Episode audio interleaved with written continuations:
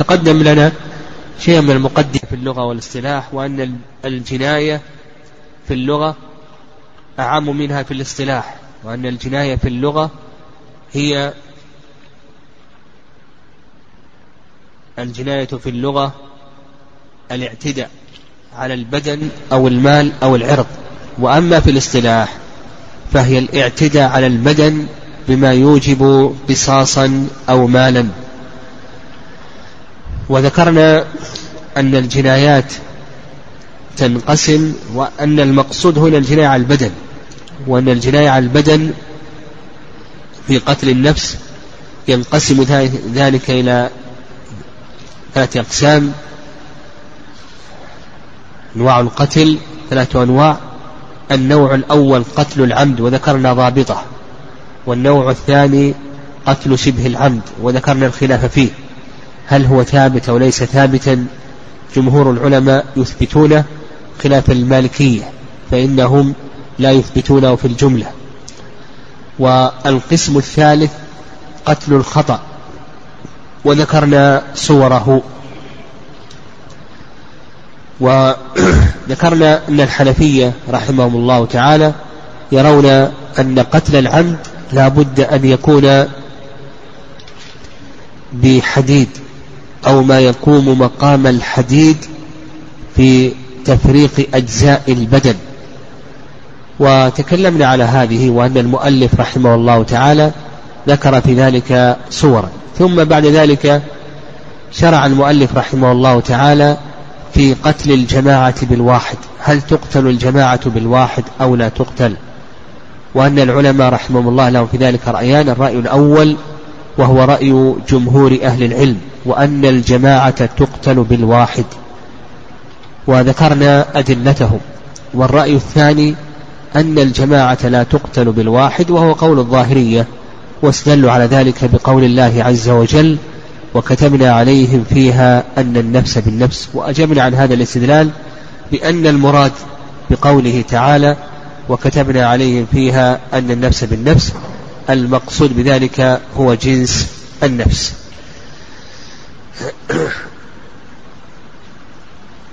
ومتى تقتل الجماعة بالواحد؟ تقتل الجماعة بالواحد في صورتين. الصورة الأولى إذا تمالأوا بمعنى تواطؤوا على قتله فإنهم يقتلون. حتى النظير و يعني يشمل النظير والمباشر والممسك وغير ذلك. المهم ما دام أنهم تواطؤوا وتمالأوا على قتله فإنهم يقتلون به.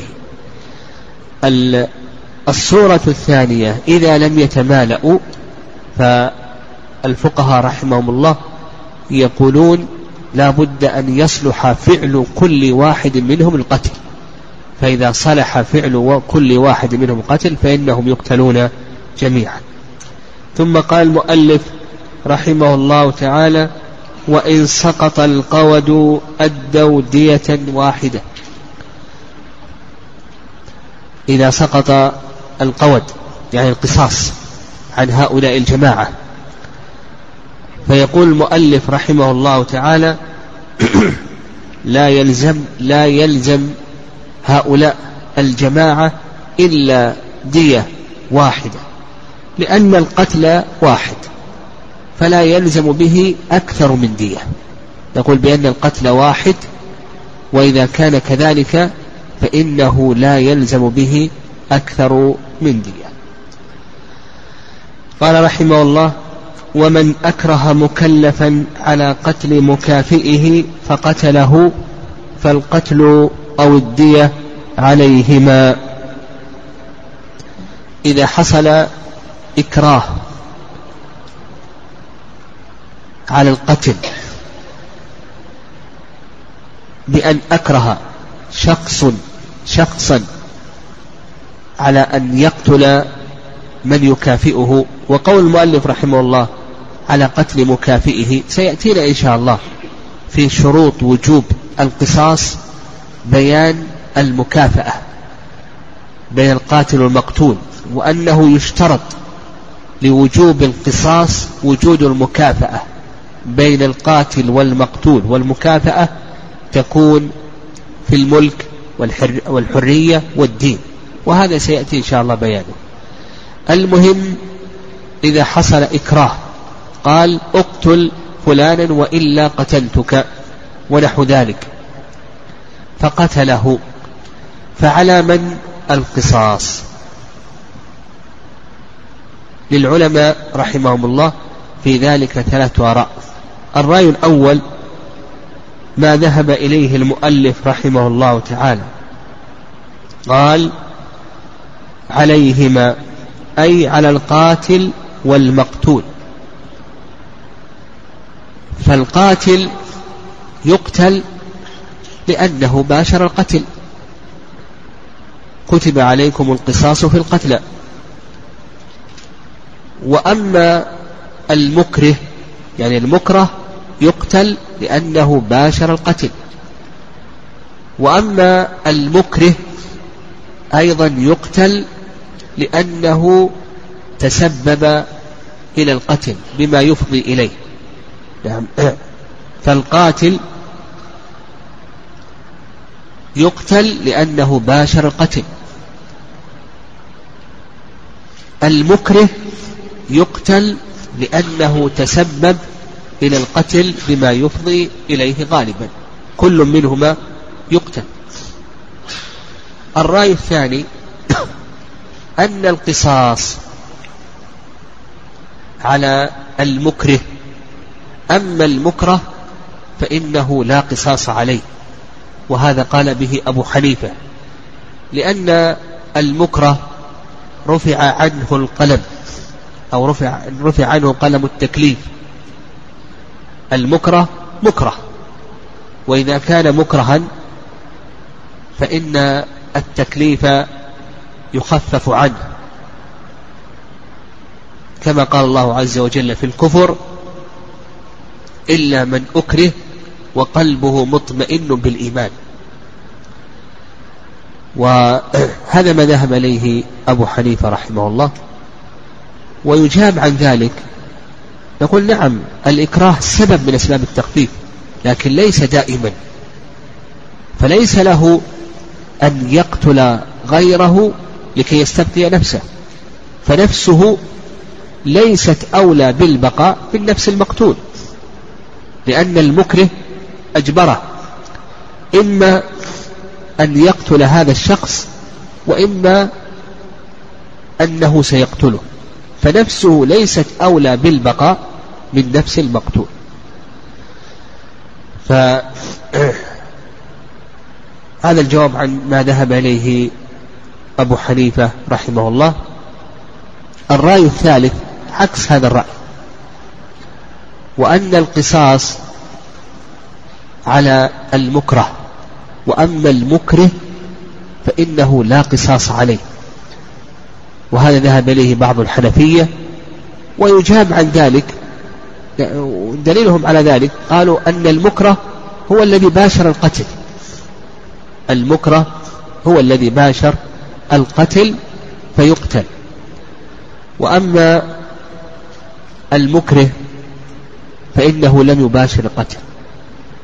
ويجاب عن ذلك بأنه وإن لم يباشر القتل فإنه تسبب إليه.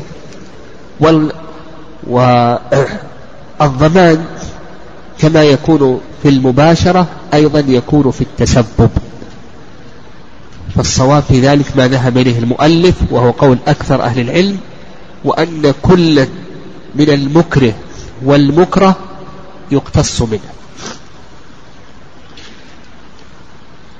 وإذا سقط القود فإنهم يؤدون دية واحدة بأن عفى ولي الجناية ولي المجني عليه عفى عن القود وطلب الدية فإنهم يؤدون دية واحدة لأن القتل واحد فلا يلزم به أكثر من دية.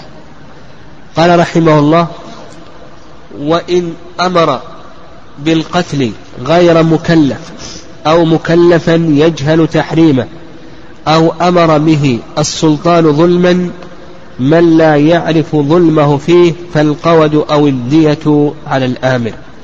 هذه عدة صور. إذا حصل أمر بالقتل فنفذ المأمور ما أمر به الآمر.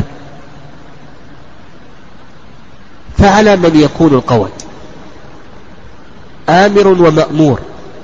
المأمور نفذ ما أمر به الآمر فعلى من يكون القول نقول بأن هذا له صور.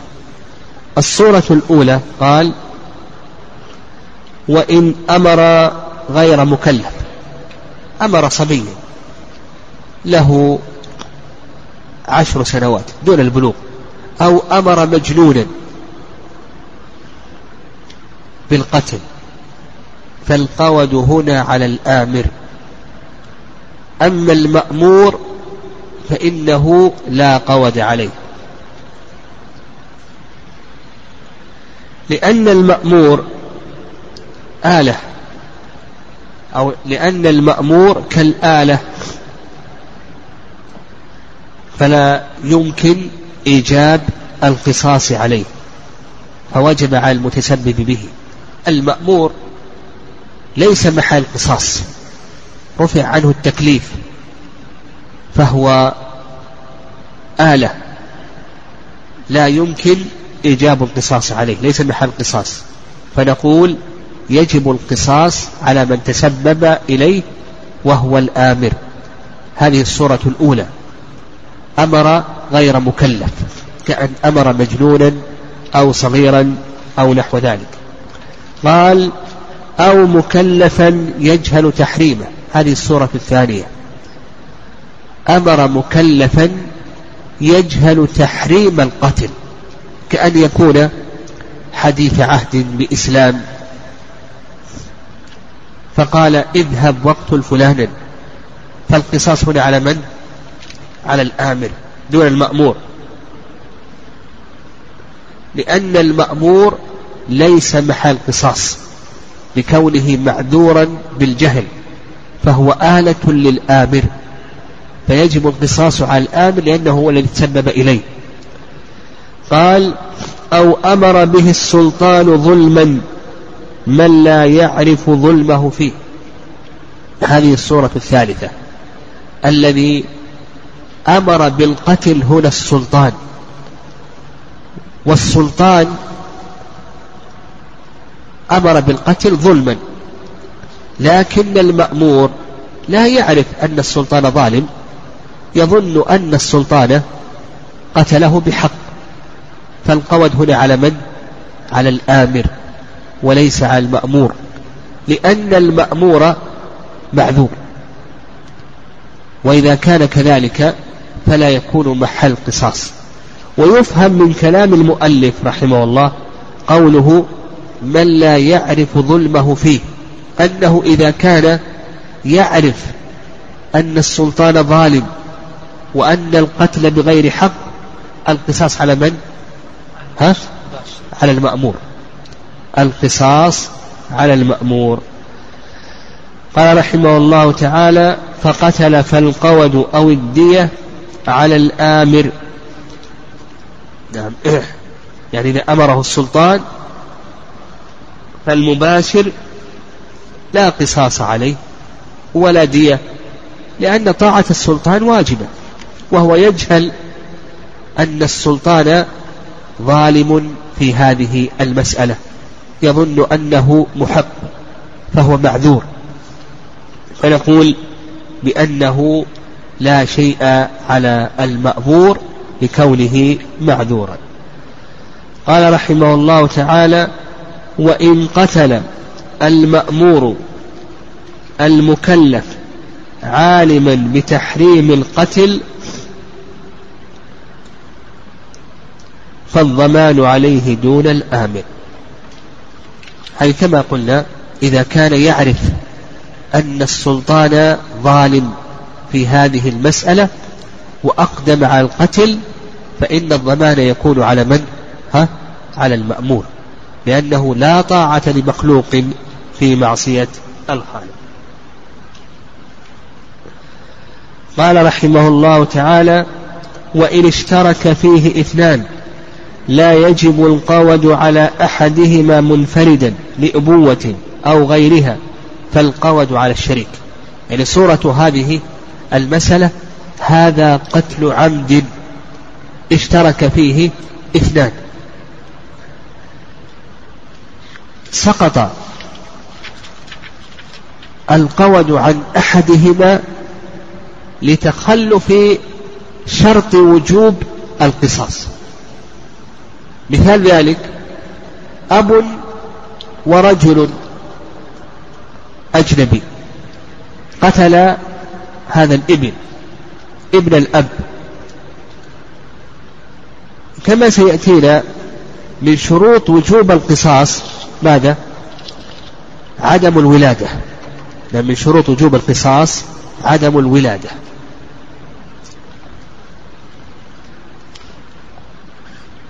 فهنا يقول لك المؤلف رحمه الله تعالى القصاص على شريك الأب.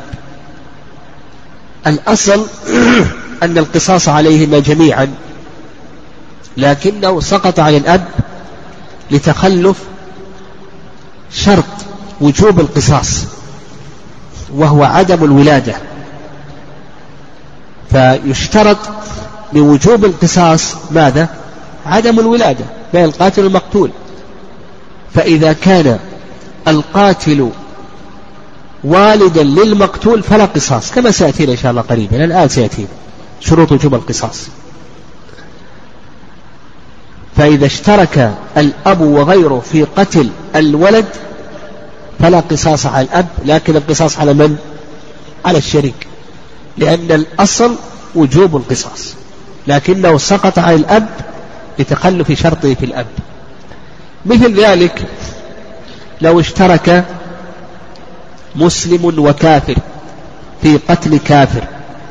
فالقصاص على من؟ على الكافر. وأما المسلم يعني أما المسلم فإنه لا قصاص عليه لأنه تخلف فيه شرط وجوب القصاص. لأن من شروط وجوب القصاص المكافأة في الدين وهنا لا مكافأة. وهذا قول جمهور أهل العلم. أنه إذا سقط القصاص لتخلف الشرط ها إذا سقط القصاص لتخلف الشرط عن أحدهما عن أحد الشريكين فإنه يبقى في الشريك الآخر الذي توفرت فيه شروط وجوب القصاص. لأن الأصل وجوب القصاص ولتوفر الشروط في نعم لتوفر الشروط فيه. وهذا ما ذهب إليه جمهور أهل العلم رحمهم الله تعالى. وعند الحنفية أنه لا يجب القصاص لا على الأب ولا على غيره لا على الكافر ولا على المسلم. واستدلوا على ذلك قالوا بأن القتل هنا تركب من أمرين من موجب للقصاص وغير موجب للقصاص. يقول تركب من أمرين من موجب للقصاص وغير موجب للقصاص. فلا يجب القصاص. الصواب في هذه المسألة ما ذهب إليه جمهور أهل العلم وأن القصاص واجب. لما تقدم القصاص نقول بأنه واجب. لما تقدم أن الأصل وجوب القصاص لكنه سقط عن الشريك سقط عن الأب ونحوه كالمسلم لتخلف شرط وجوب القصاص فيه وإلا فإن العمدية متمحضة فيه. طيب. عندنا سورة أخرى لو اجتمع في القتل مكلف وغير مكلف هنا لا قصاص. العلم يقول لا قصاص. اجتمع عاقل ومجنون بالغ وصغير آدمي وسبع في قتل هذا الشخص. نقول بأنه لا قصاص. لماذا هنا لا يجب القصاص؟ لأن القتل هنا لم يتمحض في العمدية. القتل هنا لم يتمحض بخلاف الصورة الأولى إذا اشترك الأب إذا اشترك الأب وغير الأب القتل هنا متمحض في العمدية عمد لكنه سقط عن الأب لتخلف شرطه فيه. لكن سبع آدمي السبع ما يمكن منه القصد. نعم قصد العمدية لا يمكن منه هو مفترس طبعه الافتراس صبي لا يمكن منه القصد مجنون لا يمكن منه القصد. هنا لم يتمحض ماذا؟ لم تتمحض العمدية في هذه الصور. سبع وآدمي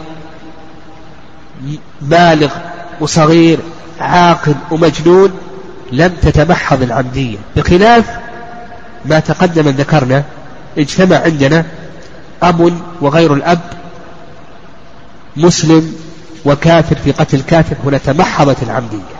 فهنا القصاص واجب. لكن هناك لم تتمحض العمدية فإنه لا يجب القصاص. قال رحمه الله تعالى فإن عدل إلى طلب المال لزمه نصف الدية. إذا عدل إلى يعني ولي القصاص ولي القصاص عدل إلى طلب المال يقول لزمه نصف الدية يلزم من؟ ها؟ الشريك. يلزم شريك الأب شريك المسلم. نعم.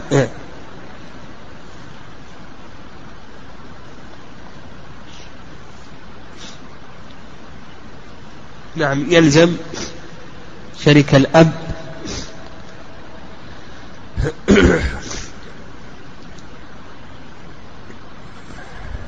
شريك الأب يلزمه.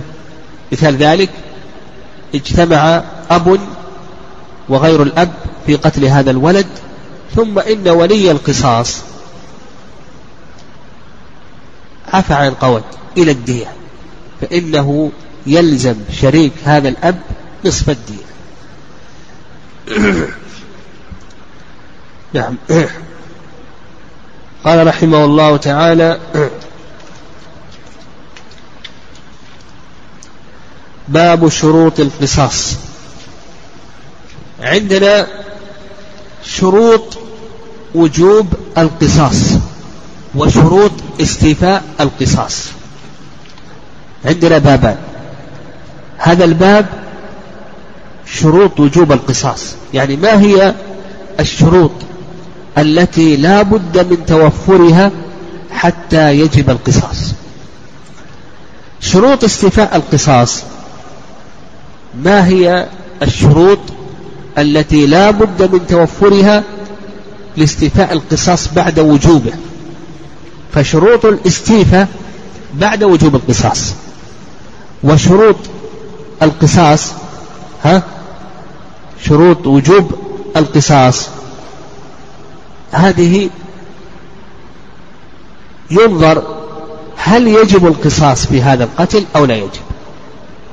فشروط الاستيفاء تكون بعد الوجوب. وأما شروط الوجوب فينظر فيها في وجوب هذا القصاص هل يجب أو لا يجب؟ قال المؤلف رحمه الله تعالى وهي أربعة عصمة المقتول فلو قتل مسلم أو ذمي حربيا أو مرتدا لم يضمنه بقصاص ولا دية هذا الشرط الأول. الشرط الأول أن يكون المقتول معصوم الدم. نعم الشرط الأول أن يكون المقتول معصوم الدم يعني ليس مباح الدم.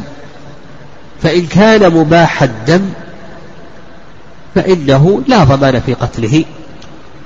فمثلا المرتد مباح الدم الزاني المحصن مباح الدم. الكافر الحربي الذي بينه وبينه حرب هذا مباح الدم. ويدل لذلك قول الله عز وجل فاقتلوا المشركين. وأيضا حيث مسعود لا يحل دم امرئ مسلم يشهد أن لا إله إلا الله وأن محمد رسول الله إلا بإحدى ثلاث. الثيب الزاني ها هذا يدل على مباح الدم. والنفس بالنفس والتارك لدينه المفارق الجماعة المرتد. فنقول نشترط ماذا؟ الشرط الأول أن يكون معصوم الدم. فإن كان مباح الدم فإنه لا ضمان لكنه يعذر لكونه افتتح على الإمام مثلا المرتد ليس لك أن تقتله. الإمام هو الذي يقتله. الزاني المحصن ليس لك أن تقتله. الذي يقيم عليه الحد إنما هو الإمام. الإمام هو الذي يقيم عليه الحد. قال الثاني التكليف.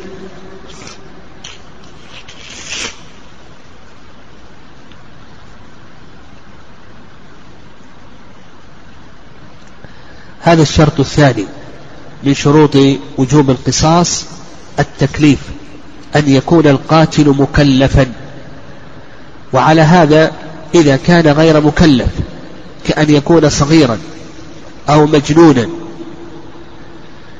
إذا كان غير مكلف كأن يكون صغيرا أو مجنونا فإنه لا قصاص عليه. تقدم لنا في صور الخطأ أن من صور قتل الخطأ عمد الصبي والمجنون. فعمد الصبي والمجنون هذا من صور قتل الخطأ.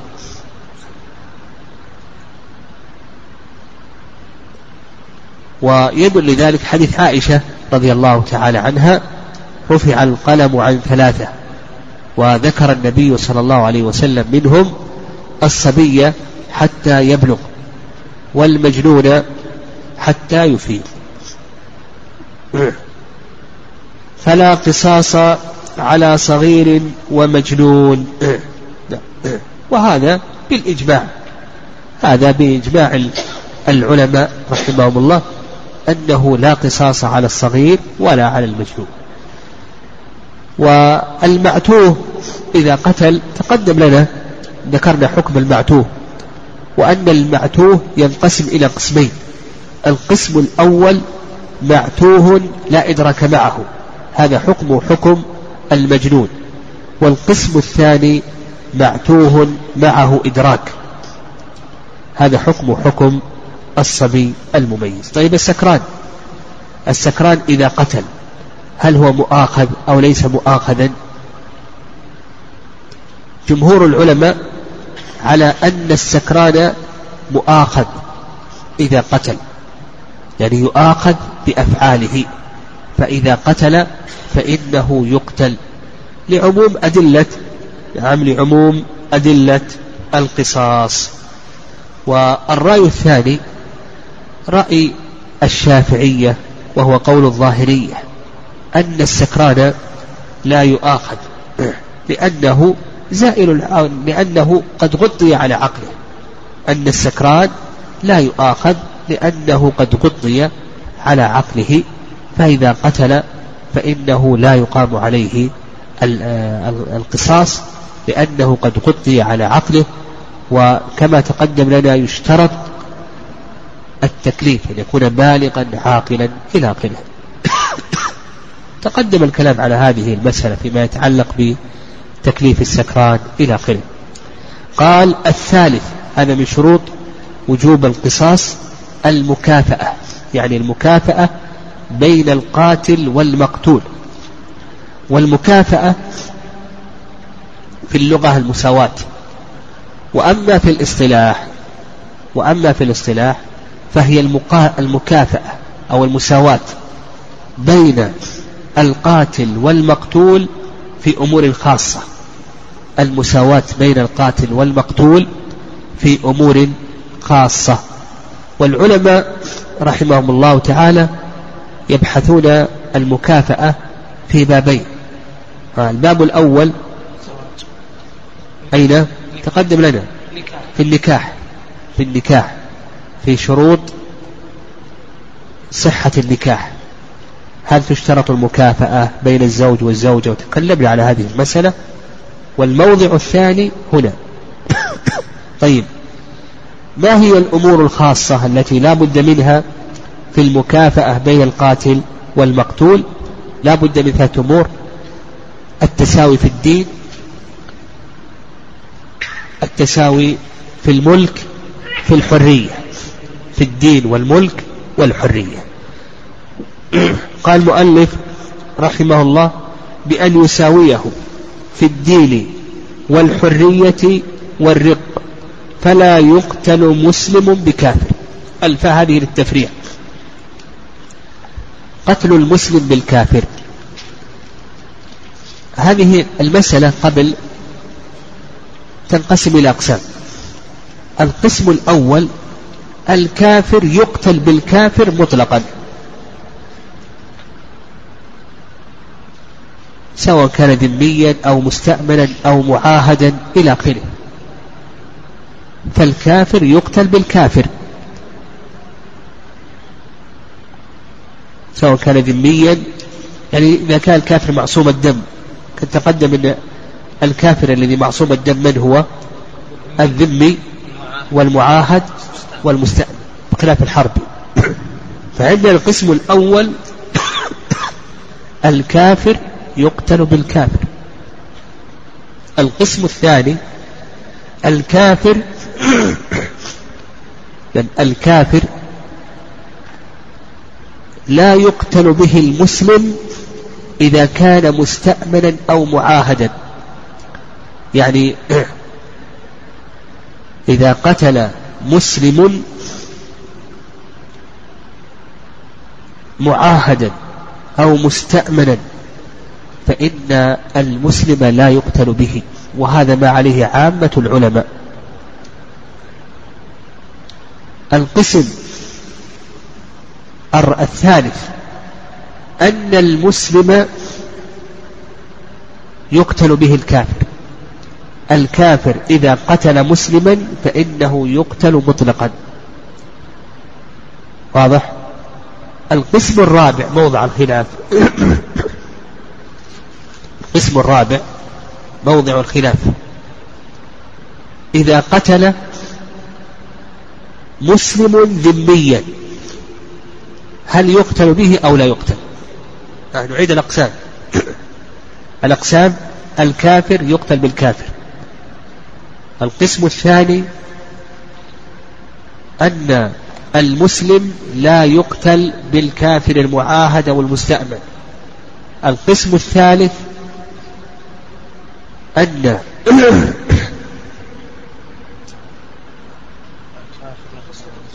أن الكافر يقتل بالمسلم مطلقا. القسم الرابع الذمي. إذا قتله مسلم الذمي إذا قتله مسلم. فهل يقتل المسلم بالذمي أو لا؟ هذا موضع خلاف بين الجمهور وبين الحنفية. ومن هو الذمي؟ من هو الذمي؟ الذمي هو الذي يبذل الجزية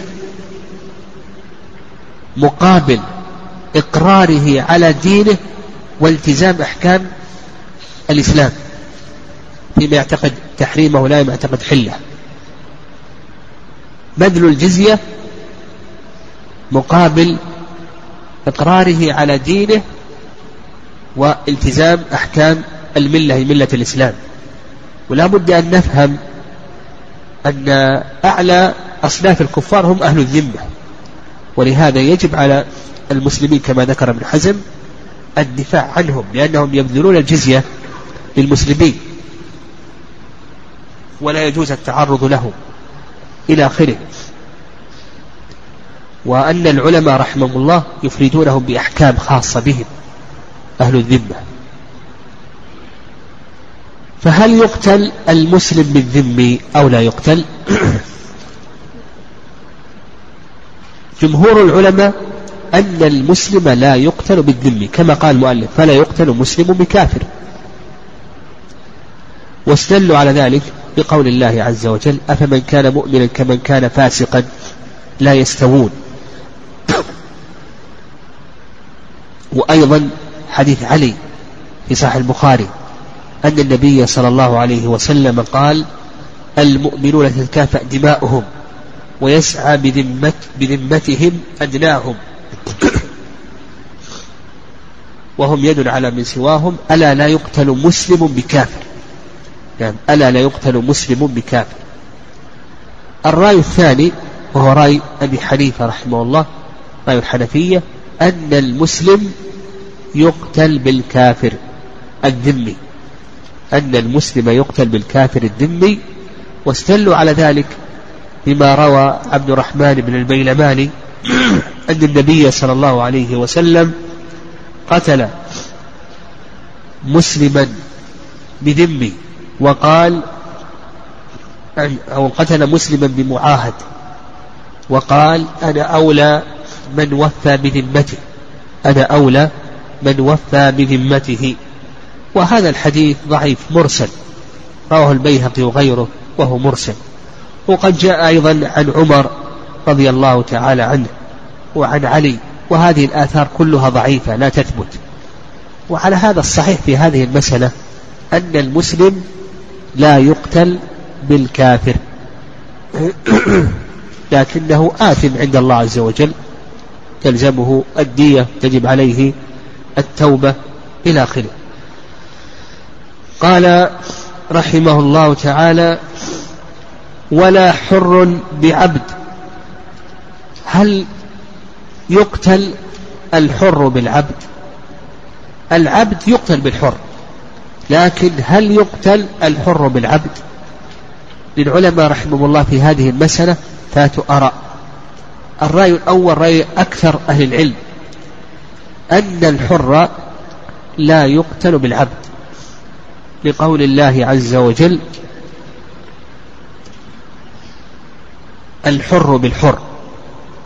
فيفهم من ذلك أن الحر لا يقتل إلا بالحر ولا يقتل بالعبد. الرأي الثاني رأي الظاهرية.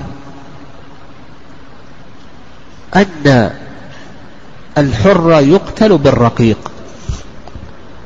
لعموم الأدلة كتب عليكم القصاص في القتلى وكتبنا عليهم فيها أن النفس بالنفس إلى آخره. كتاب الله القصاص.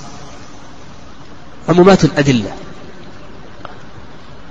ولأن هذا آدمي فيقتل به الحر كما يقتل بالرقيق. كما لا يقتل الرقيق بالرقيق نقتل الحر بالرقيق.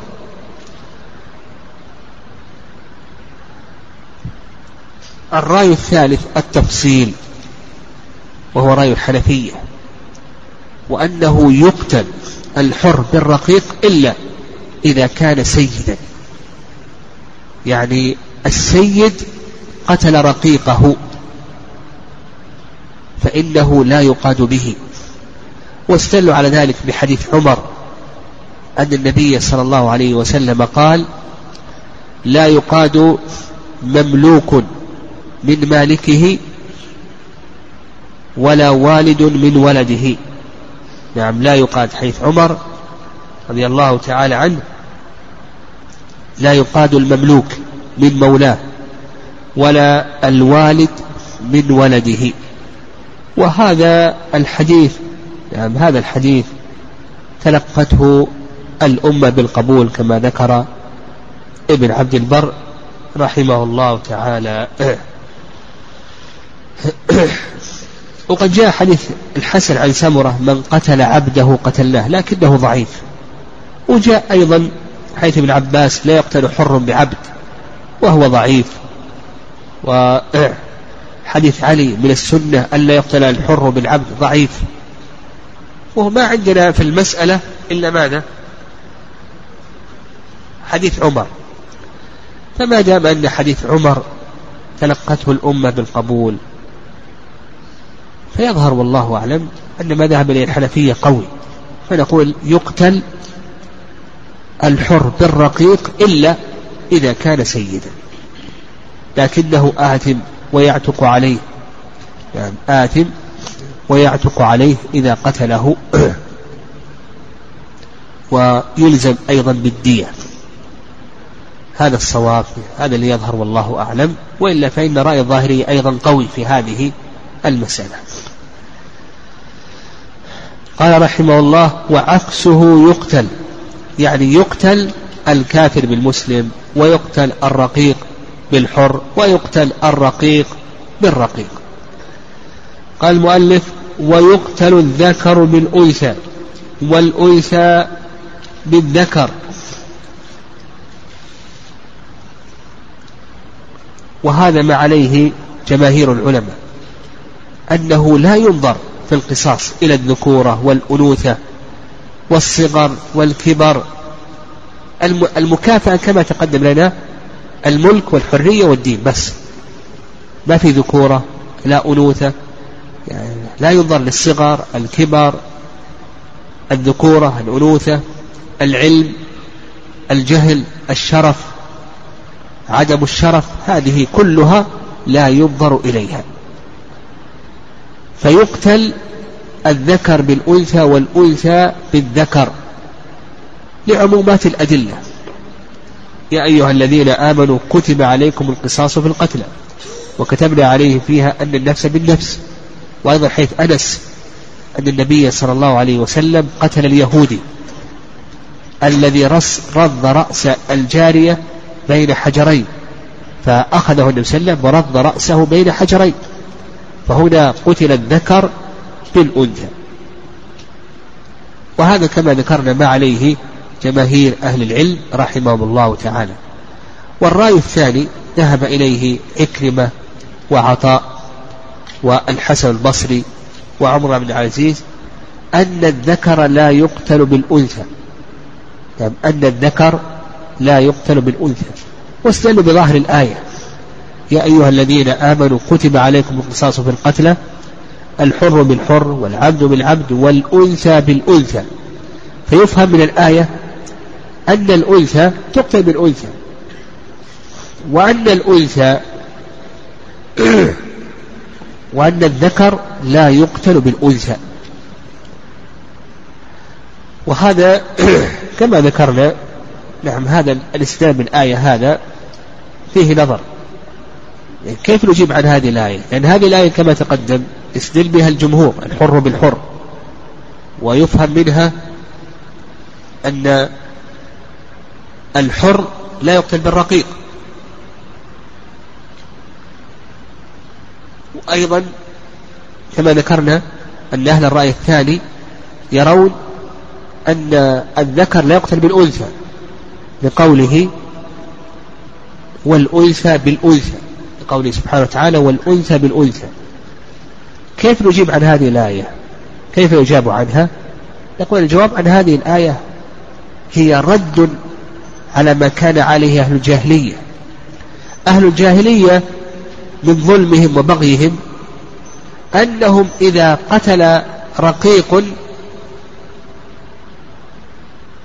لا يكتفون بقتل القاتل الرقيق وإنما يأخذون بدلا منه حرا.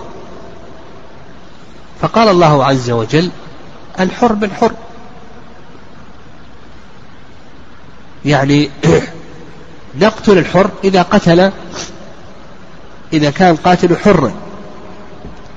والأنثى بالأنثى يعني من جهلهم وظلمهم أنه إذا قتلت عندهم أنثى نعم إذا نعم إذا قتلت عندهم أنثى لا يأخذون القاتل. قد يكون القاتل أنثى لا يأخذون أنثى وإنما يأخذون بدل القاتل الأنثى يأخذون ذكرا. فقال الله عز وجل الأنثى بالأنثى هذه أنثى قتلت أنثى تقتل أنثى لا يقتل الذكر هذا ظلم. وإذا كان قاتل رقيقا وقتل رقيقا يأخذون بدل القاتل الرقيق حرا. فقال الله عز وجل العبد الحر بالحر والعبد بالعبد. فالعبد إذا قتله عبدا نقتله به. ولا نقتل بدلا من العبد القاتل نقتل حرا. فهذه رد على ما كان عليه أهل الجاهلية. قال رحمه الله تعالى وعكسه يقتل قال ويقتل الذكر بالأنثى والأنثى بالذكر. تقدم الكلام على هذه المسألة. قال الرابع عدم الولادة. فلا يقتل أحد الأبوين وإن علا بالولد وإن سفل ويقتل الولد بكل منهما.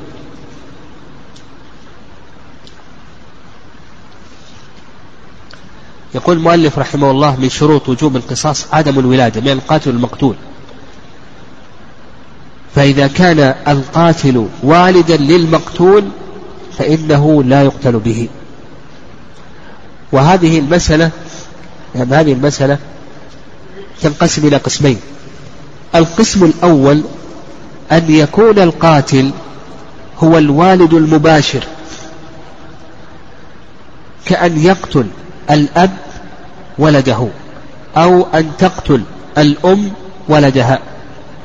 أن يكون القاتل ها هو الأب المباشر. فإذا كان القاتل هو الأب المباشر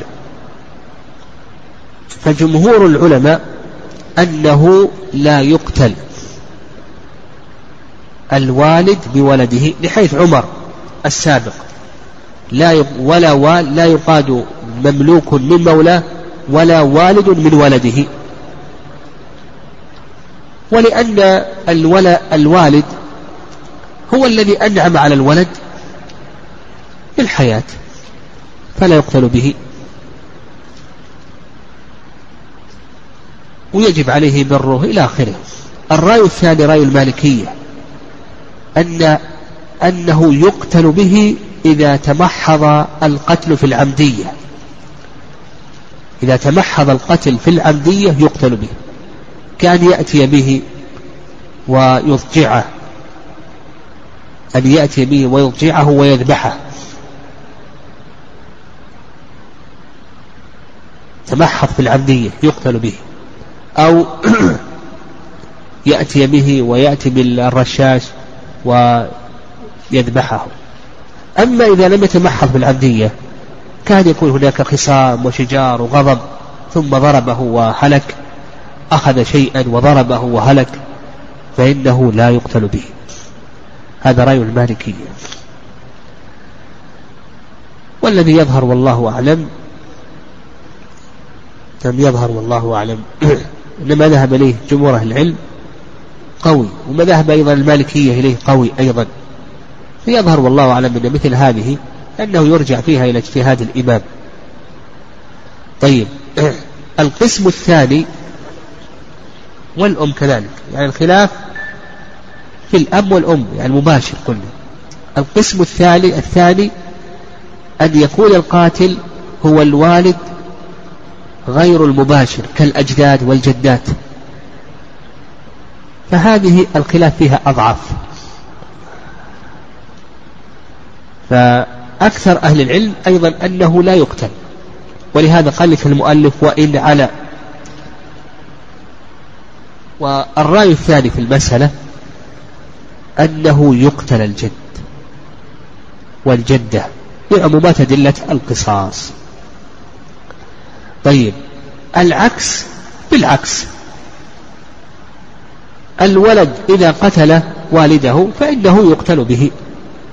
بل من باب أولى أنه يقتل به لأن هذا هو أعظم العقوق والقطيعة ولعمومات أدلة القصاص.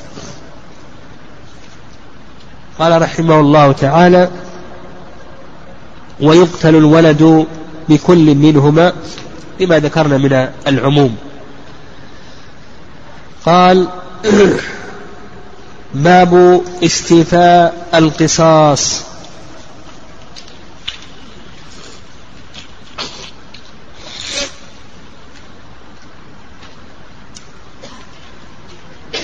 اشترط له استيفاء القصاص. هو فعل مجلي عليه أو وليه بالجاني مثل ما فعل مثل فعله. فعل مجري عليه أو وليه ولي المجري عليه بالجاني مثل ما فعل. قال المؤلف يشترط له ثلاثة شروط كما تقدم لنا. سبق لنا أن المراد باستيفاء القصاص ها هو إقامة القصاص بعد وجوبه. الآن توفرت الشروط السابقة. الشروط السابقة وجدت. فم فلكي نقيم القصاص على هذا القاتل يشترط شروط. الشرط الأول قال لك كون مستحقه مكلفا فإن كان صبيا أو مجنونا لم يستوفى وحبس الجاني إلى البلوغ والإفاقة. هذا الشرط الأول. الشرط الأول أن يكون مستحقه ماذا؟ مكلفا.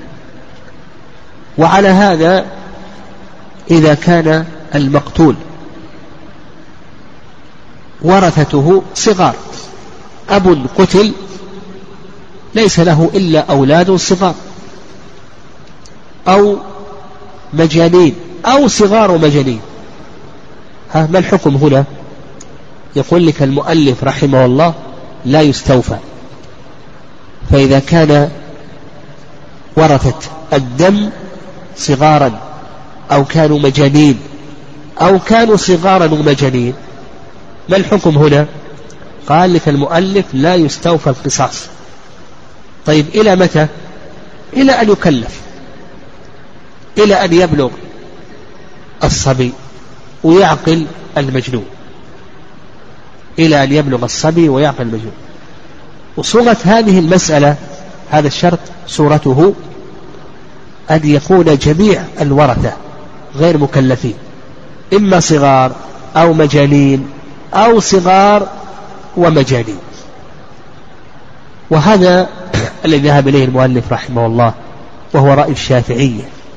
واستدلوا على ذلك بأن معاوية رضي الله تعالى عنه حبس هدبة ابن خشرم حتى بلغ ابن القتيل. حبس هدبة ابن خشرم حتى بلغ ابن القتيل ولأن القصاص يقصد منه التشفي. ولا يحصل التشفي من الصغير حتى يبلغ ولا من المجنون حتى يعقل.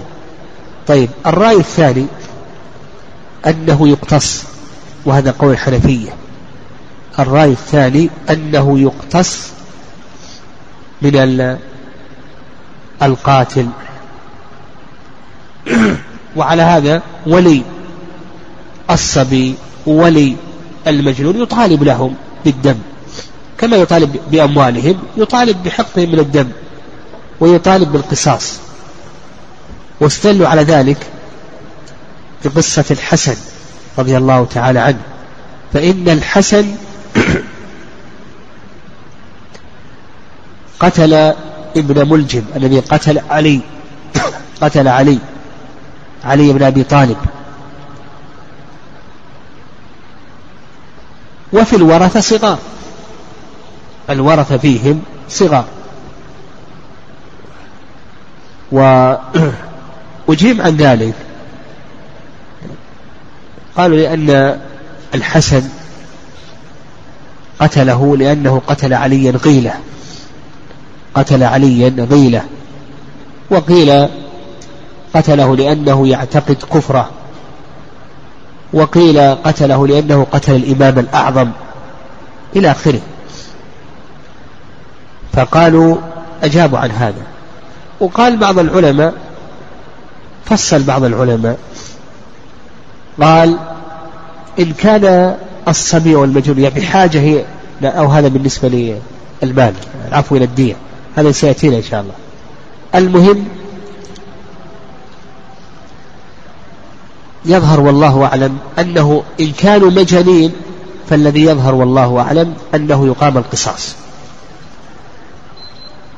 لأن حبسه فيه تعظيم له وكون المجنون يعقل إلى آخره هذا علمه عند الله عز وجل. يعني العادة جرت أنه لا يعقل المجنون فاته العقل. وإن كان صغيرا وهذا كما ذكرنا صورة المسألة كله. وإن كان صغيرا يظهر والله أعلم أنه ينتظر. إلا إن رأى الإمام إن رأى الإمام أن يقتله فله ذلك.